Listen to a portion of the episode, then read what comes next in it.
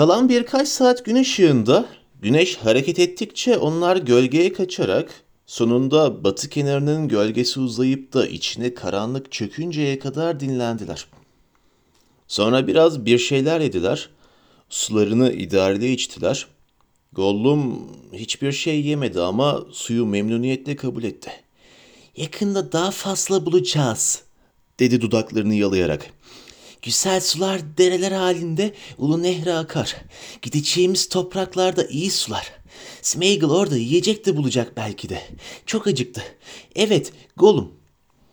Kocaman yayvan ellerini içine çökmüş olan göbeğine koydu ve gözlerinde soluk yeşil bir ışık belirdi. Sonunda çukurun batı kenarından tırmanıp yolun kenarındaki engebeli arazi içinde süzülerek yola koyulduklarında karanlık iyice koyulaşmıştı. Ay dol, dolunayı geçeli üç gece olmuştu ama dağları tırmanıp doğuncaya kadar vakit gece yarısını buluyordu. Bu yüzden gecenin ilk yarısı oldukça karanlıktı. Dişler kulübesinde tek bir kırmızı lamba yanıyordu. Bunun dışında Morannon'daki uykusuz nöbetçilere dair hiçbir ses, hiçbir iz yoktu. Birkaç mil boyunca çıplak taşlı topraklar üzerine düşe kalka kaçarlarken o kırmızı göz onları izliyor gibiydi. Yola çıkmayı göze alamamışlardı ama yolu sollarına alıp mümkün olduğunca yakınından ona paralel gitmeye çalışıyorlardı. Sonunda artık gece eskimeye ve onlar da yorulmaya başladıklarında çünkü sadece kısa bir süre dinlenmişlerdi, göz minik, ateşli bir noktacık halinde küçülmüş, sonra da yok olmuştu. Daha alçak olan dağların kuzey sırtlarından dönüp güneye yollandılar. Gönüllerinde garip bir ferahlıkla yeniden dinlendiler ama çok değil. Gollum'un istediği kadar hızlı gidemiyorlardı. Onun hesaplarına göre Morannon'dan Osgiliath üzerindeki yol ayrımına 30 fersah kadar vardı. Ve Gollum bu mesafeyi dört seferde aşmayı planlıyordu. O yüzden çok geçmeden yeniden canlarını dişlerine takarak ilerlediler. Şafak yavaş yavaş engin gri tenhalıkta yayılmaya başlayıncaya kadar. O ana kadar yaklaşık sekiz fersah yürümüşlerdi ve hobbitler artık isteselerdi ilerleyemezlerdi.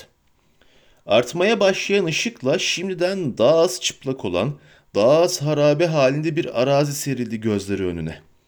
Dağlar hala sol yanlarında uğursuz uğursuz yükseliyordu. Ama yakınlarında dağların kara köklerinden uzaklaşan ve batıya doğru meyleden güney yolunu görebiliyorlardı. Yolun gerisinde yamaçlar, kara bulutlar misali karanlık ağaçlarla kaplıydı. Ama etraflarında süpürge otu, katır tırnağı, kızılcık ve tanımadıkları diğer çıllıklarla dolu salkım saçak bir fundalık arazi vardı. Orada burada uzun çam ağacı kümeleri görüyorlardı. Yorgun olmalarına rağmen hobbitlerin moralleri biraz düzeldi. Hava taze ve hoş kokuluydu. Onları uzaklardaki kuzey topraklarının yaylalarını hatırlatmıştı. Yapmaları gerekeni biraz ertelemiş olmak, sadece son birkaç yıldır Karanlıklar Efendisi'nin hükmü altında olduğundan henüz tam olarak bozulmamış topraklarda yürümek hoş görünüyordu gözlerine. Fakat içinde bulundukları tehlikeyi veya kasvetli tepelerin arkasına gizlenmiş olsa da hala çok yakında olan kara kapıyı unutmadılar. Işık olduğu sürece kötü gözlerden kaçıp sığınabilecekleri bir gizlenme yeri aradılar etrafta. Gün huzursuz bir biçimde geçti. Fundalığın derinliklerinde yavaş yavaş geçen ve pek bir değişiklik getirmeyen saatleri sayarak yattılar. Çünkü hala Efelduat'ın gölgeleri altındaydılar ve güneşin önü örtülmüştü. Frodo ya da Gollum'a güvendiğinden ya da bunu dert edemeyecek kadar yorgun olduğundan derin ve huzur dolu bir uyku çekiyordu zaman zaman. Ama Sam kestirmekten daha ileri gidemedi. Hatta Gollum gizli rüyaları içinde puflayıp orası burası seyirerek derin bir uykuda olduğunu belli ettiği zamanlarda bile. Belki de onu güvensizlikten çok açlık uyanık tutuyordu. Şöyle adam gibi tencerede kaynayan sıcak bir şeyleri, bir ev yemeğini özlemeye başlamıştı. Topraklar yaklaşmakta olan gecenin biçimsiz griliği altında solmaya başlar başlamaz tekrar yola koyuldular. Kısa bir süre sonra Gollum onları güneye giden yola çıkarttı. Bundan sonra tehlikeleri daha fazla olsa da hızlandılar. kulakları önlerindeki yoldan gelecek veya arkalarından onları izleyecek ayak veya at sesindeydi. Fakat gece geçtiği halde ne bir yaya ne de bir atlı sesi duydular. Yol yitip gitmiş kadim bir zamanda yapılmış ve Morannon'dan muhtemelen 30 mil kadar aşağıda yeniden tamir edilmişti. Ama güneye doğru gittikçe vahşi doğa yola tecavüz ediyordu. Eskinin insanların mahareti yolun güvenli seyrinden ve aynı seviyede gidişinden görülebiliyordu hala. Arada sırada tepelerin yamaçlarını keserek geçiyor veya dayanıklı taş ustalığıyla yapılmış biçimli bir kemerle derelerin üzerinden atlıyordu. Ama gittikçe taş işçiliğine ait bütün izler soldu. Orada burada yan taraflardaki çalılar arasından başını çıkartan kırık sütunlar veya yabani otlarla yosunlar arasında hala gizlenmiş duran kaldırım taşları dışında. Fundalıklar, ağaçlar ve eğrelti otları aşağılara salınıp tepelerden sarkıyor veya yüzeye yayılıyordu. Sonunda yol az kullanılmış bir kırlık araba yoluna dönüşerek kayboldu gitti. Ama bu yol dolan başlı değildi. Yolunda dümdüz ilerleyip onları en hızlı şekilde götürüyordu. Böylece insanların bir zamanlar İtilyen adını verdikleri, yükselen ormanları ve hızlı akan ırmaklarıyla latif bir ülke olan kuzey sınır boylarına varmış oldular. Gece yıldızlar ve dolunay altında güzelleşti ve hobbitlere sanki onlar ilerledikçe havadaki hoş koku artıyormuş gibi geldi. Gollum'un uflayıp puflamasından ve mırıldanmasından bunun onunla dikkatini çektiği ve bu durumdan hoşlanmadığı anlaşılıyordu. Günün ilk belirtisiyle durdular. Uzun bir yarığın yolun kayalık bir sırtı yararak geçtiği yerde ortası dimdik kenarlı ve derin bir yarığın sonuna geldiler. O zaman batı kıyısına tırmanarak etrafa bakındılar. Gün gökyüzünde açıyordu. Uzaklarda kaybolan uzun bir kavisle doğuya doğru çekilmiş dağların artık iyice uzakta olduğunu gördüler. Batıya döndükçe atlarındaki loş pusa doğru inen hafif yamaçlar vardı önlerinde. Etraflarında aralarında geniş, açık alanlar bulunan reçineli ağaçlardan, çam, sedir, kara selvi ve şairde bilinmeyen başka ağaçlardan oluşmuş küçük küçük ormanlar vardı. Her yanda hoş kokulu otlar ve çalılıklar bulunuyordu. Ayrık Vadi'den bu yana yaptıkları uzun yolculuk onları kendi topraklarının çok güneyine getirmişti. Ama bu korunaklı bölgeden önce hobbitler hava koşullarındaki değişikliği fark etmemişlerdi. Burada bahar daha şimdiden işe koyulmuştu bile. Eğrelti otlarının yaprakları, yosunları, küfleri yırtmıştı. Kara çamların parmakları yeşilleniyordu. Çimenler arasında minik çiçekler açıyor, kuşlar şakıyordu. Artık ıssız olan Gondor'un bahçesi İtilyen hala orman perilerine yaraşır dağınık bir güzellik barındırıyordu. Bulundukları yer güneyden ve batıdan Anduin'in ılık, alçak vadilerine bakıyordu. Doğudan Efel Doğat'ın siper oluyordu ama yine de dağın gölgesi altında kalmıyordu burası. Kuzeydense Emin Muil tarafından korunuyordu. Güneyden gelen havaya ve uzaklardaki denizden gelen nemli rüzgarlara açıktı. Çok önceleri dikilmiş ve sonraki kuşakların umarsızlığı yüzünden bakımsız bir halde yaşlanmış bir sürü ulu ağaç yetişmişti burada. Ilgın ile kokulu sakız ağacından, zeytinle defne ağacından kurular, ağaçlıklar vardı. Sonra ardıçlar, mersinler vardı. Kekikler ya çalılıklar arasında yetişmiş ya da odunsu sarmaşıksı gövdeleriyle gizli kayaları derin derin örtüyorlardı. Çeşit çeşit ada çayı, mercan köşkler, yeni yeni filiz veren maydanozlar ve semin bahçe irfanını aşan çeşitli biçimlerde çeşit çeşit kokulu otlar, mavi, kırmızı veya soluk yeşil çiçekler açıyordu. Mağaralar, kayadan duvarlar daha şimdiden taş kıran çiçeği ve kaya koruğuyla yaldızlanmaya başlamıştı bile. Anemonlar fındık otları arasında uyanmıştı. Çiriş otları ve zambağa benzer çiçekler yarı açılmış başlarını kaldırmaya başlamışlardı. Akan derelerin Anduin'e yaptıkları yolculuklar sırasında dinlendikleri serin çukurlarda toplanan su birikintilerinin yanındaki koyu yeşil çimenler üzerinde. Yolcular sırtlarını yola çevirerek yokuş aşağı indiler. Çalılıklar ve fundalıklar arasından yollarını açmak için çalıları iki yana iti iti ilerlerlerken etraflarına tatlı kokular yayıldı. Gollum öksürerek öğürdü fakat hobbitler derin derin nefes aldılar. Sam aniden güldü. Bir şey komik geldiğinden değil, gönül hoşluğundan güldü. Önlerinden hızlı hızlı akan bir dereyi izlediler. Zamanla dere onları alçak ve kuytu bir vadide bulunan küçük, berrak bir gölceye getirdi. Oyulmuş kenarları neredeyse tamamen yosunlarla ve sarmaşık gülleriyle kaplanmış, taştan kadim bir havuzun kırık dökük kalıntıları içine birikmişti sular. Etrafına sıra sıra süsen kılıçları dizilmiş, tatlı tatlı kırışan karanlık yüzeyinde nilüfer yaprakları yüzüyordu. Fakat su derin ve tazeydi ve diğer tarafta bulunan taştan bir ağızdan dökülüyordu. Burada yıkanarak gölceye dökülen akarsudan kana kana içtiler.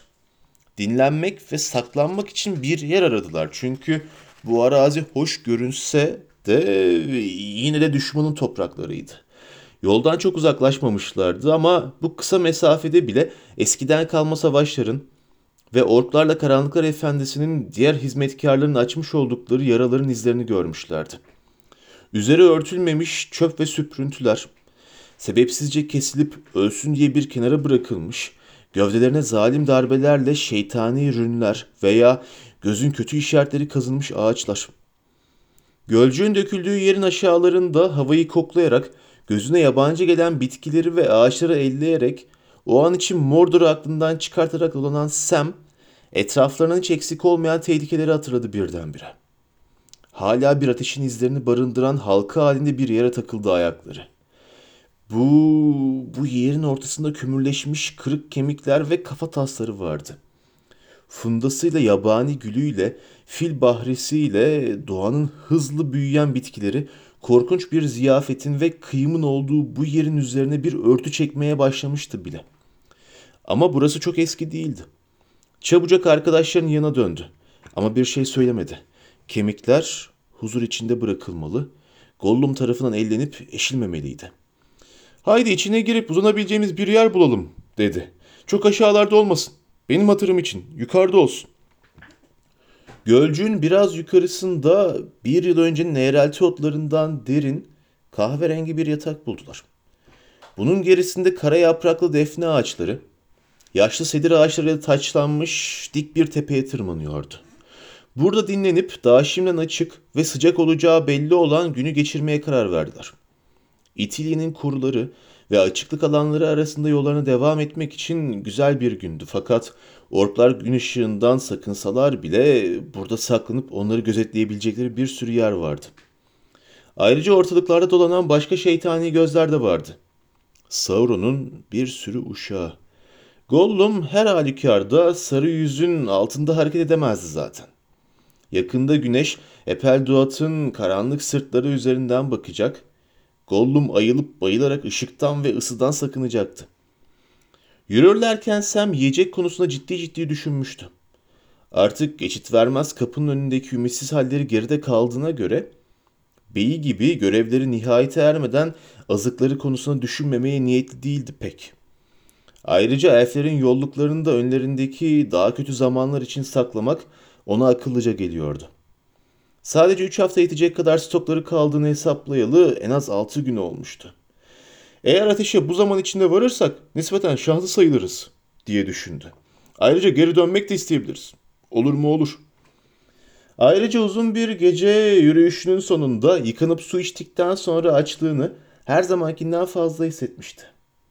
Aslında çıkın saçması sıra evlerindeki eski mutfak ocağının yanında bir akşam yemeği veya kahvaltıyı da esas istediği. Aklına gelen bir fikirle Gollum'a döndü. Gollum da başını alıp sıvışmaya başlamış, eğrelti otları arasında dört ayak üzerinde emekliyordu. ''Hu Gollum!'' dedi Sam. ''Nereye gidiyorsun? Avlanmaya mı?'' ''Bana bak, şimdi Meraki Efendi, sen bizim yiyeceklerimizden hoşlanmıyorsun. Biraz değişiklik benim de işime gelir doğrusu. Senin yeni düsturun her zaman yardım etmeye hazır ve nazır değil mi? Aç bir hobbit uyuyacak bir şeyler bulabilir misin?'' Evet, belki de bulabilirim, dedi Gollum. Smeagol hep yardım eder. Eğer isterlerseler. Eğer güzel güzel isterlerseler. İyi, dedi Sam. Ben istiyorumdur. Eğer bu da yetmezse yal, yalvarırım da. Gollum gözden kayboldu. Bir süre geri dönmedi ve Frodo bir iki lokma lembastan sonra sararmış eğrelti otları üzerine yatarak uyudu. Sam ona baktı. Sabahın ilk ışıkları ağaçlar altındaki gölgelere yeni yeni süzülmeye başlamıştı ama o beynin yüzünü ve yanında yerde uzanmış dinlenen ellerini oldukça net görebiliyordu. Aniden Frodo'nun o ölümcül yarıyı aldıktan sonra Elrond'un evinde uyanmadan yattığı zamanları hatırlayıverdi. Sonra Sam nöbet tutarken zaman zaman Frodo'nun içinden belli belirsiz bir ışığın parlamakta olduğuna dikkat çekmişti. Ama şimdi ışık daha berrak ve güçlüydü. Frodo'nun yüzü huzur içindeydi. Korku ve endişe izleri gitmişti fakat yaşlı, yaşlı ve güzel görünüyordu. Tıpkı çehrenin görüntüsü değişmese bile ona biçim veren yılların daha önce gizlenmiş birçok ince çizgi halinde şimdi ortaya dökülmesi gibi. Sam Gamgee buna bu adı vermiyordu tabii. Sanki kelimeleri faydasız bulur gibi başını sallayarak mırıldandı. Onu seviyorum. Böyle işte o. Bazen her nasılsa içindeki parlayıp dışarı sızıyor. Ama ben onu seviyorum. Öyle olsa da olmasa da. Gollum yavaşça dönüp Sam'in omzunun üstünden baktı. Frodo'ya bakarak gözlerini kapattı ve hiç ses çıkarmadan emekleyerek uzaklaştı. Sam biraz sonra onun yanına giderek bir şeyler çiğnemekte olduğunu ve kendi kendine homurdandığını duydu. Yerde yanında aç gözlükle bakıp durduğu iki küçük tavşan duruyordu. Smeagol hep yardım eder. Dedi. Tavşan getirdi. Cici tavşanlar. Ama bey uykuya dalmış. Belki Sam de uyumak ister. Şimdi tavşanları istemiyordur belki. Smeagol yardım etmek istiyor ama bir dakikada bir şeyler yakalayamaz ki. Sem'in tavşanlara hiçbir itirazı yoktu doğrusu. Aynen de böyle söyledi. En azından pişmiş bir tavşana itirazı yoktu. Bütün hobbitler yemek pişirmesini bilirlerdi elbette. Çünkü bu sanatı okuma yazma öğrenmeden ki birçoğu bu mertebeye hiç ulaşamazdı. Önce öğrenirlerdi. Fakat Sam iyi bir aşçıydı. Hatta hobbit standartlarına göre bile. İmkan bulabildikçe yolculukları esnasında epey bir kamp yemeği pişirmişti. Hala büyük bir umutla aletlerinin bir kısmını denginin içine taşıyordu. Küçük bir kav çakmak kutusu, iki küçük, küçüğü büyüğün içine yerleştirilmiş tava, bunların içinde bir tahta kaşık, kısa iki dişli bir çatal, birkaç da şiş istiflenmişti. Denginin altında tahta bir kutu içinde yavaş yavaş azalmakta olan bir hazine. Biraz tuz vardı. Ama bir ateşle başka şeylere de ihtiyacı vardı. Bıçağını çıkarttı, temizleyip bilerken ve tavşanı yüzerken biraz düşündü. Birkaç dakika da olsa Frodo'yu uyurken tek başına bırakamazdı. Şimdi Gollum dedi. Sana bir iş daha buldum. Git bu tavaları suya doldurup getir. Smeagol su getirecek. Evet. Dedi Gollum. Ama Hobbit bütün bu suları niçin istiyor? Suyunu içti, yıkandı. Senin aklın ermez dedi Sam. Eğer tahmin edemediysen birazdan görürsün. Ve suyu ne kadar çabuk getirirsen o kadar çabuk öğrenirsin. Tavalarından birine bile zarar getireyim deme. Yoksa seni kıyma gibi doğrarım. Gollum uzaklaşınca Sam Frodo'ya bir kez daha baktı. Hala sakin sakin uyuyordu ama şimdi en çok yüzünün ve ellerinin zayıflığı dikkatini çekmişti Sam'in. Çok zayıf, bir deri bir kemik diye mırıldandı. Bir hobbit için iyi bir şey değil bu. Eğer bu tavşanı pişirebilirsem onu uyandıracağım. Bir kucak dolusu kuru eğrelti otu topladı. Sonra bir yığın çalı çırpı toplayarak tepeye tırmandı. Tepedeki bir sedir ağacının düşmüş bir dalı iyi yakacak olurdu. Tam eğrelti otu yatağının ucundaki çimenlerden biraz kesti. Alçak bir çukur kazıp yakacakları içine yığdı. Kav ve çakmakla ateş yakma konusunda yetenekli olduğundan kısa bir süre sonra minik bir alevi canlandırmıştı bile. Hemen hemen hiç duman çıkartmıyor ama mis gibi bir koku yayıyordu. Tam ateşin üzerine eğilmiş. Ateşi kollayarak daha büyük odunlarla beslerken Gollum tavaları dikkatle taşıyıp kendi kendine mırıldanarak geri dönmüştü. Tavaları yere bıraktı sonra aniden Sem'in ne yaptığını gördü. İnce tıslayan bir çığlık attı. Hem korkmuş hem de kızmış görünüyordu. Aa, yo diye bağırdı. Yo, aptal hobbitler, salak. Evet, salak. Böyle yapmamalılar. Ne yapmamalıyım diye sordu Sam şaşırarak. O pis, kırmızı dillerden. diye tısladı Gollum. Ateş, ateş. Tehlikeli evet, tehlikeli yakar, öldürür ve düşmanları getirir. Evet, getirir. Zannetmiyorum dedi Sam. Öyle olması için bir neden göremiyorum. Tabii eğer sen üzerine ıslak bir şeyler atıp boğmazsan. Ama düşmanları çekerse de çeker. En azından bu riski göze alacağım. Bu tavşanları pişireceğim Tavşanları pişirmek mi? diye ciyakladı Gollum dehşetle. Smeagol'ın size ayırdığı etleri bozacaksın. Zavallı aç Smeagol niçin? Niçin salak hobbit? Genç bunlar, körpe. Çok güzel, ye onları ye. En yakında ateşin yanı duran yüzülmüş tavşana pençesini attı. Bak bak dedi Sam. Herkesin usulü kendine. Bizim ekmeklerimiz senin boğazına takılıyor. Senin çiğ tavşanların da benimkine. Eğer bana bir tavşan verdiysen tavşan benim olur. Anladın mı? İstersen de pişiririm. Ben de istiyorum. Beni seyretmek zorunda değilsin. Git bir tane daha yakala kendine ve kendi zevkine göre ye. Tek başına bir yerde benim gözüm görmesin. O zaman sen ateşi görmemiş olursun ben de seni. İkimiz de mutlu oluruz. Ben ateşin tütmesine dikkat ederim. Tütmem, tütmemesine dikkat ederim. Eğer bunu bilmek seni rahatlatacaksa. Gollum homurdana homurdana çekildi ve eğrelti otların arasına kıvrıldı. Sam tavalarıyla meşguldü. Bir hobbit tavşanın yanında ne ister? Dedi kendi kendine. Biraz baharatlı kök ister. Özellikle de patates. Ekmeği söylemeye bile gerek duymuyorum. Görünüşe göre baharatları halledebileceğiz. Gollum dedi yavaşça. Gel şu işi üçleyelim. Biraz baharat istiyorum.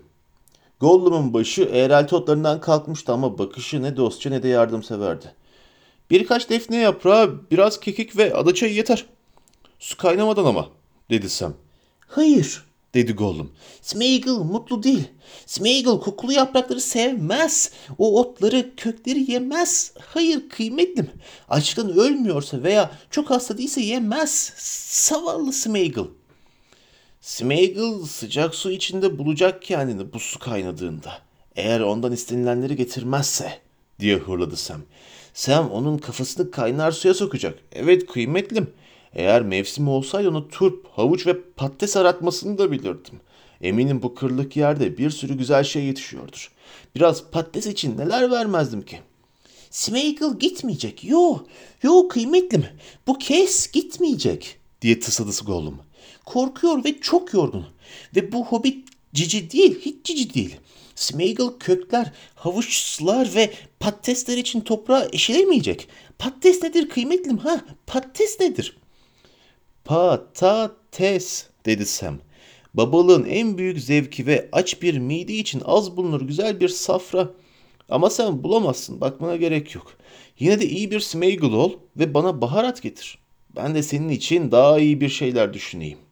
Üstelik temiz bir sayfa açarsan ve o sayfayı açık tutacak olursan günlerden bir gün sana da patates pişiririm. Yaparım ya. Sam Gemci tarafından hazırlanan kızarmış balıkla patates. Buna da hayır diyemezsin. Evet, evet derim. Güzelim balığı bosmak, onu kavurmak. Balığı hemen ver bana. O pis patateslerin sana kalsın. Ah ümitsiz bir vaka dedi Sam. Zıbar yat. Sonunda istediklerini kendi bulmak zorunda kaldı ama bunun için pek uzaklaşması, beynin hala uyumaya devam ederek yattığı yerin görüş sahasından çıkması gerekmedi. Bir süre düşüncelere dalmış oturdu Sam, su kaynayıncaya kadar ateşi besleyerek. Hava iyice aydınlanarak ısındı. Çimlerin ve yaprakların üzerinde çiğler solup gitti. Kısa bir süre sonra kesilmiş olan tavşanlar bir tutam baharatla birlikte tavalarının içinde ağır ağır kaynamaya başlamıştı.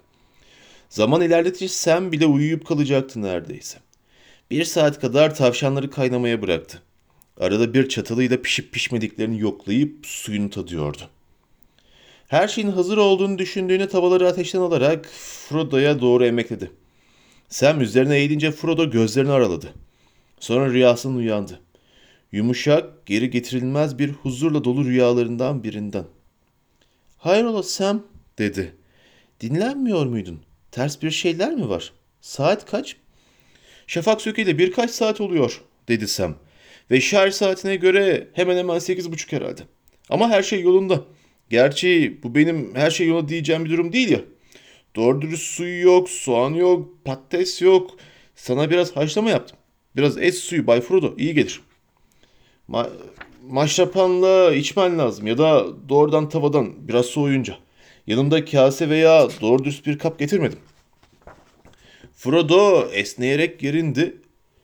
Dinlenmen gerekirdi Sam dedi. Üstelik buralarda ateş yakmak tehlikelidir. Ama gerçekten açım. Hmm, kokusunu buradan alabilir miyim? Ne haşladın? Smeagol'dan bir armağan dedi Sam. Bir çift körpe tavşan. Gerçi sanırım Gollum bunu yaptığına pişman olmuştur. Ama yanlarında biraz baharattan başka bir şey yok. Sam'le Bey'i eğrelti otu beyinin hemen kıyısına oturup eski kaşıkla çatalı paylaşarak haşlamaların tavalarından yediler. Yarımşar elf peksimeti kattılar yanına. Sanki bir ziyafetti. Şşt Gollum diye seslenip ıslık çaldı Sam. Hadi hala fikrini değiştirmek için vaktin var. Biraz kaldı. Eğer haşlanmış tavşandan tatmak istiyorsan. Cevap yoktu. Herhalde kendisine başka bir şeyler bulmak için gitmiştir.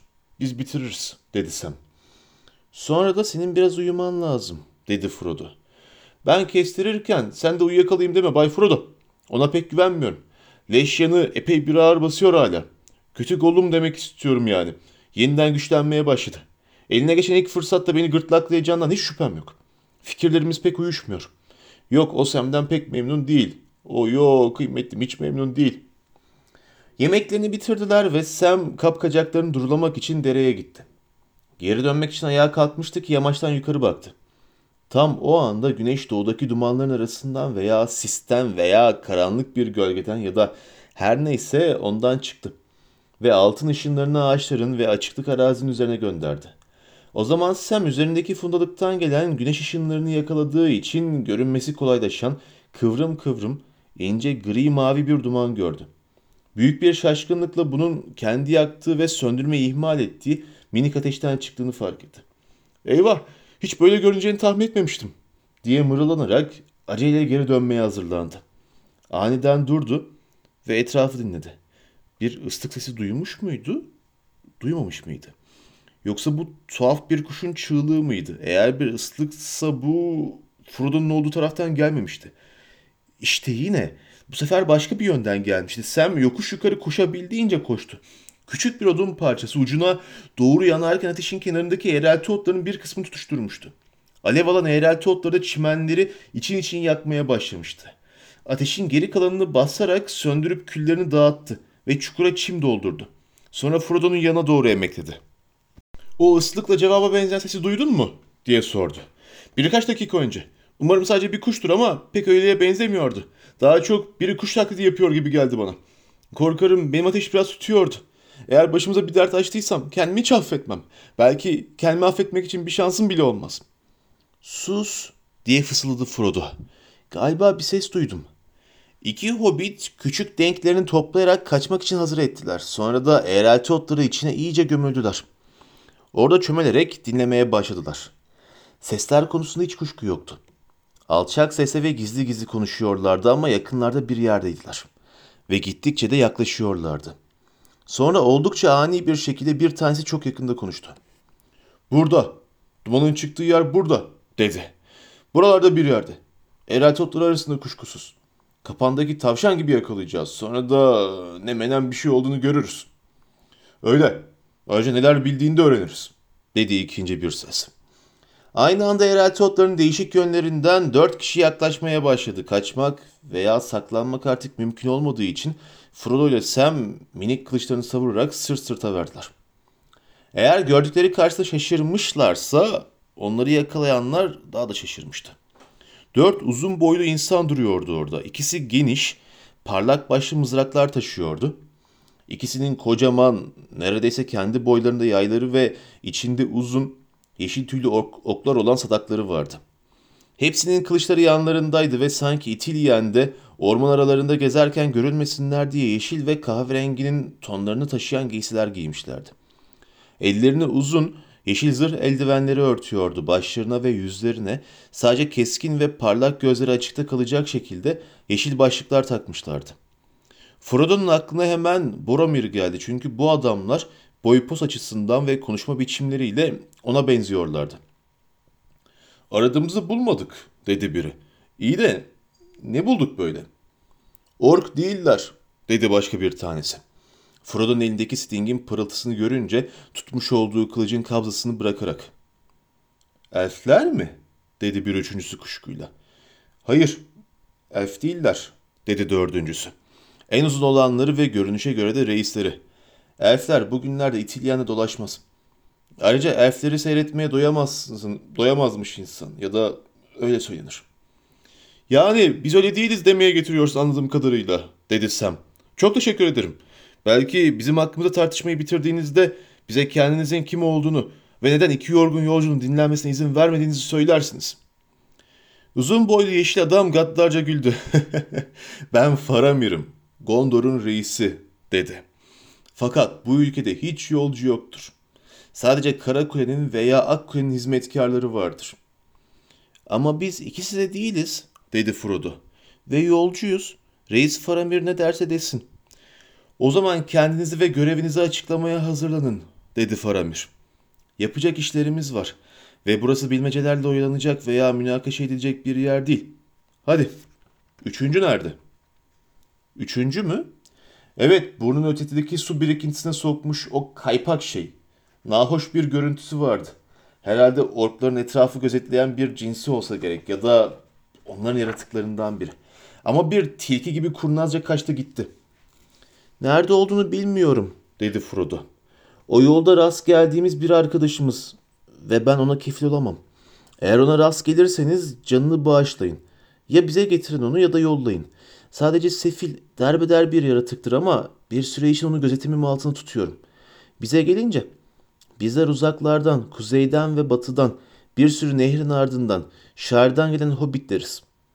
Drogo oğlu Frodo benim adım ve yanımda hizmetimdeki saygıdeğer bir hobbit olan Hanfostoğlu Samwise var. Uzun yollardan geldik. Ayrık Vadi'den, sizin deyiminizle İmladris'ten çıkıp geldik. Bu noktada Faramir hayret ederek dikkat kesildi. Yedi yol arkadaşımız vardı. Birini Moria'da kaybettik. Diğerlerini de Rauros'un üzerinde Part Galen'de.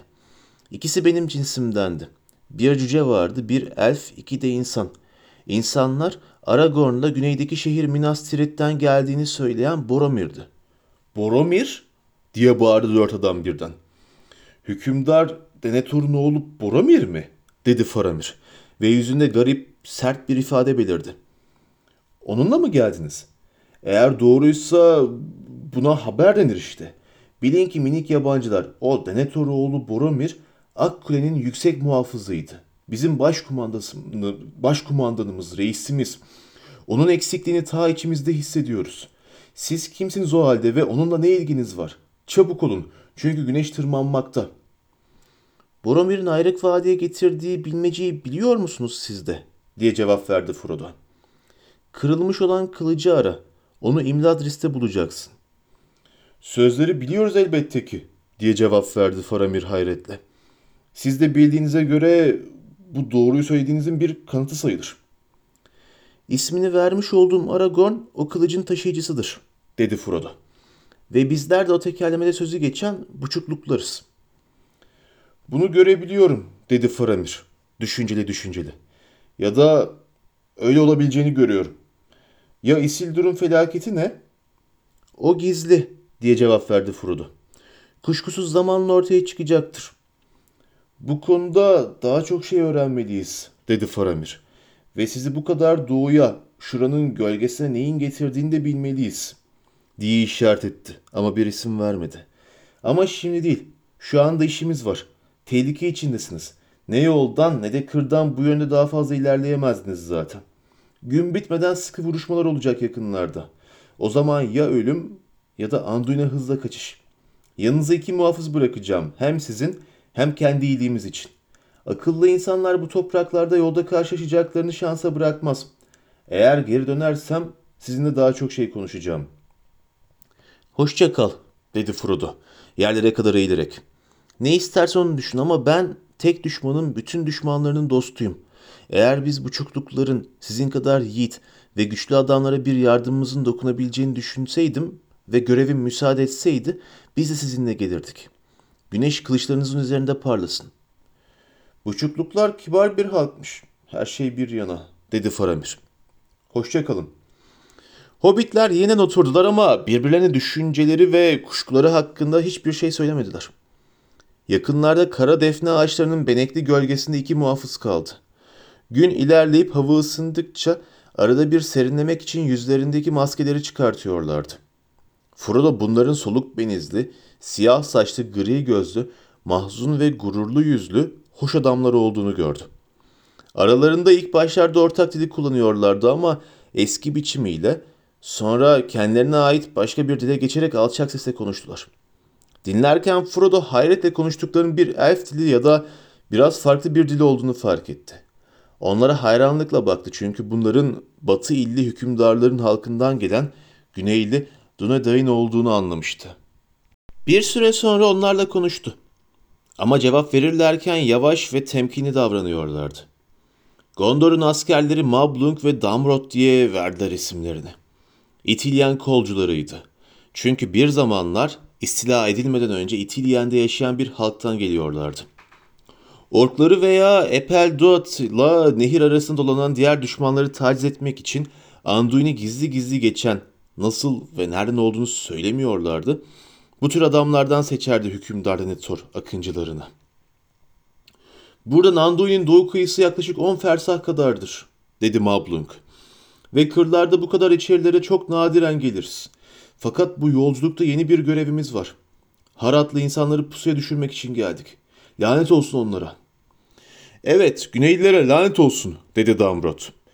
Uzak güneyde Harat krallıklarıyla eski Gondor arasında bir alışveriş olduğunu söylerler. Gerçi hiçbir zaman bir dostluk olmamış. O günlerde bizim hudutlarımız daha uzakta güneyde, Anduin'in döküldüğü yerlerdeydi. En yakındaki diyarlardan biri olan Umbar bizim idaremizi memnuniyetle kabul etmişti. Ama bu olalı çok oluyor. Aramızda bir ilişki olmayalı birçok insan hayatı geldi geçti. Son olarak düşmanın onların arasında olduğunu öğrendik. Onlar da ya onun tarafına geçmişler ya da yeniden ona dönmüşler. Doğuda yaşayanların çoğu gibi her zaman onun iradesine yatkındılar zaten. Gondor'un günlerinin sayılı olduğuna ve Minas Tirith'in surlarının yok olacağına hiç kuşkum yok. Onun gücü ve onun garazı o kadar büyük ki. Ama yine de biz elimiz kolumuz bağlı oturup onun dilediğini yapmasına izin verecek değiliz, dedi Mabluk. Bu lanet olası Güneyliler şimdi de Karakule'nin ordularını güçlendirmek için kadim yoldan geliyorlar. Evet, Gondor'un hüneriyle bizzat yaptığımız yollardan. Üstelik durmadan daha da pervasızca geliyorlar diye öğrendik. Yeni efendilerin gücünün yeterince büyük olduğunu düşünüyorlar. Sanki onun tepelerinin gölgesi bile onları koruyacakmış gibi. Biz de onlara yeni bir ders daha vermek için geldik. Büyük bir gücün kuzeye doğru yola çıktığını haber aldık. Hesabımıza göre alaylarından biri bugün öğleden önce bir zamanda buradan geçecek. Yukarıdaki yoldan, yolun tam bir yarık tarafından kesildiği yerden. Faramir reisimiz yani geçemezler. Artık bütün tehlikeli işlere o komutanlık ediyor. Fakat onun yaşama efsununu ya da yazgısı onu başka bir son için saklıyor. Muhabbetleri tetikte bir sessizliğe doğru itip gitti. Hepsi hareketsiz ve dikkatli görünüyordu. Sam, eğrelti otu kümesinin yanında çömelmiş etrafa bakıyordu. Keskin hobbit gözleriyle etrafta daha birçok insan olduğunu gördü. Onların yamaçlardan ya teker teker ya da sıra halinde süzüldüklerini, hep koruların veya çalılıkların gölgelerinde kaldıklarını, kahverengi ve yeşil giysileri içinde otluklardan ve aradaki boşluklardan belli belirsiz emeklediklerini görebiliyordu. Hepsinin başlarında yüzlerini maskeleyen başlıkları, ellerine zırh eldivenleri vardı ve hepsi Faramir ve arkadaşları gibi giyinmişti. Çok geçmeden hepsi geçip gittiler. Güneş güneye yaklaşıncaya kadar yükseldi. Gölgeler küçüldü. Şu mübarek kolum nerede merak ediyorum diye düşündü Sam. Daha koyu bir gölgeye doğru emeklerken. Bir ork zannedilme veya sarı yüz tarafından kavrulma şansı çok yüksek. Ama herhalde kendi başının çaresine bakar. Frodo'nun yanına uzanarak uyuklamaya başladı. Boruların çalındığını sanarak uyandı. Oturdu. Artık tam öğlen vaktiydi. Muhafızlar ağaçların gölgesini tetikte ve gergin duruyordu. Aniden borular yukarılardan, yamacın tepesinden kuşku bırakmayacak bir şekilde daha yüksek sesle öttü. Sam sanki uzaktaki bir mağaradan gelircesine bağırışmalar ve vahşice naralar duyduğunu sandı. Sonra hemen yakınlarda bir yerde bir dövüş gürültüsü koptu. Tam saklandıkları yerin üzerinde. Çeliğin çeliğe sürtünme sesini, kılıcın demir başlığa vuruşunu, bıçağın kalkan üzerindeki donuk darbesini, adamların bağırtı ve naralarını ve tek bir sesin tüm gücüyle Gondor, Gondor diye bağırdı net bir biçimde duyuyordu. Yüz demircinin aynı anda demir dövmesine benziyor, dedi Sam Frodo'ya. Daha fazla yaklaşmalarını istemem. Fakat gürültüler yaklaştı. Geliyorlar diye bağırdı Damrot. Bakın Güneylilerin bir kısmı kapandan kurtulmuş yoldan kaçıyorlar. İşte oradalar. Adamlarımız peşlerinde, reis de başlarında. Neler olup bittiğini görmek isteyen Sam gidip muhafızlara katıldı. İrice defne ağaçlarının birine biraz tırmandı zar zor. Kırmızılar içinde esmer adamların peşlerinde yeşillere bürünmüş savaşçılarla biraz ileride yamaç aşağı koştuklarını gördü bir an için. Savaşçılar yetiştikçe biçiyorlardı onları. Hava oklarla dolmuştu. Sonra aniden bulundukları korunaklı çukurun kenarından bir adam ince bir ağacı ezerek neredeyse tam tepelerine düştü. Birkaç metre önlerindeki yerelti otları üzerinde altın yakasının altından yeşil ok tüyleri çıkan adam yüzü koyun yatıyordu. Kızıl giysileri parçalanmış, birbiri üzerine binmiş, pirinç levhalardan yapılmış, üst zırhı yırtılıp yarılmış, altınla örülmüş siyah saç örgüleri kana bulanmıştı. Kahverengili kırılmış bir kılıcın kabzasını kavramış duruyordu hala. Bu Semih'in gördüğü ilk insanın insana karşı yaptığı savaştı ve bu pek hoşuna gitmedi. Ölü yüzü göremediği için memnun olmuştu. Adamın adının ne olduğunu, nereden geldiğini merak etti. Gerçekten kötü bir adam olup olmadığını veya onu evinden bu kadar uzaklara ne gibi bir yalanın veya tehdidin getirdiğini merak etti. Aslında barış içinde kalmayı tercih edip etmediğini de. Hepsi bir şimşek gibi gelip geçti aklından. Çünkü tam Mablung düşmüş olan bedene doğru bir adım atmıştı ki yeni bir ses duydular. Muazzam bağırtılar ve naralar. Bunların arasında Sam tiz bir boru veya borazan sesi duydu. Sonra da büyük bir gümbürtü ve çarpma sesi. Sanki kocaman şahmerdanlar tekrar tekrar yere vuruyormuş gibi. Dikkat! Dikkat! diye bağırdı Damrot arkadaşına. Valar devirsin boyunu. Mumak, mumak. Hem şaşkınlık ve dehşet hem de bitmek tükenmek bir zevkle Sam kocaman bir şeklin ağaçları devirerek yamaçtan aşağıya hızla inmekte olduğunu gördü. Bir ev kadar hatta bir evden çok daha büyük göründü gözüne. Grilere büyümüş hareket eden bir tepe. Belki de korku ve hayret onu Hobbit'in gözlerinde büyütmüştü ama Harad'ın mumakları gerçekten de iri cüsseli hayvanlardı. Ve bir benzeri daha Orta Dünya üzerinde görülmemiştir. Daha sonraki günlerde yaşayan akrabaları ise onun ihtişamının bir anısıdır sadece. Hayvan doğrudan gözlerin üzerine gelmeye başladı. Sonra göz açıp kapayıncaya kadar dönüp toprağı ayakları altına titreterek onların sadece birkaç metre yakından geçti. Koca bacakları ağaç gibiydi. Yelkene benzeyen muazzam kulakları yayılmış, uzun burnu saldırıya hazırlanan bir yılan gibi dikilmiş, küçük kırmızı gözleri hiddetten köpürüyordu. Yukarı dönmüş boynuzumsu dişleri altından şeritlerle bağlanmıştı ve üzerlerinden kan damlıyordu. Kızıl ve altından süslü koşum takımları etrafında çılgın parçalar halinde çırpınıyordu. Yüksek sırtında ormandan hiddetli geçişi sırasında ezilmiş savaş kulesi yıkıntılarına benzeyen bir şey vardı. Boynunun tepesinde bir yerlerde ise minik bir şekil hala ümitsizce tutunmaya çalışıyordu. Kocaman bir savaşçının bir Sverting'in dev bedeni. Kocaman hayvan su birikintisi ve çalılıklardan gözü dönmüş bir halde geçip gitti. Oklar göğsünün üç katı derisinden zararsızca sekiyor, etrafa saçılıyordu. Her iki tarafın adamları da onun önünden kaçıyordu. Ama o yetişerek onları yerle bir etti. Kısa bir süre sonra gözden kayboldu. Uzaklarda hala yeri dövüyor, gümbürtetiyordu. Başına ne geldiğini hiç öğrenemedi. Bir süre yurdundan uzaklarda yok olup gidinceye veya derin bir çukurda bir tuzağa düşürülünceye kadar vahşi doğada dolanmak için kaçabilmiş miydi? Yoksa ta ulu nehre dalıp nehir tarafından yutuluncaya kadar koşturmaya devam mı etmişti bilmiyordu. Sam derin bir nefes aldı. Füldü bu dedi. Demek ki fül diye bir şey gerçekten var. Ve ben ben de bir tanesini gördüm. Ne hayat ama. Ama memlekette kimse inanmayacak bana. Eh geçti gitti. Biraz uyuyayım bari. Fırsatın varken uyu dedi Mablung. Ama eğer yaralanmışsa da yaralanmamışsa da reis döner. O geri döndüğünde hızla ayrılırız buradan. Yaptıklarımız düşmana duyulur duyulmaz bizi izlemeye başlayacaklardır. Ve bu da çok vakit almaz. Gitmemiz gerektiğinde yavaş yavaş gidin dedi Sam. Benim uykumu bozmanın halim yok. Bütün gece yürüdüm ben. Mablung güldü. Reisin seni burada bırakacağını zannetmiyorum. Efendi Samwise dedi. Ama kendin görürsün zaten.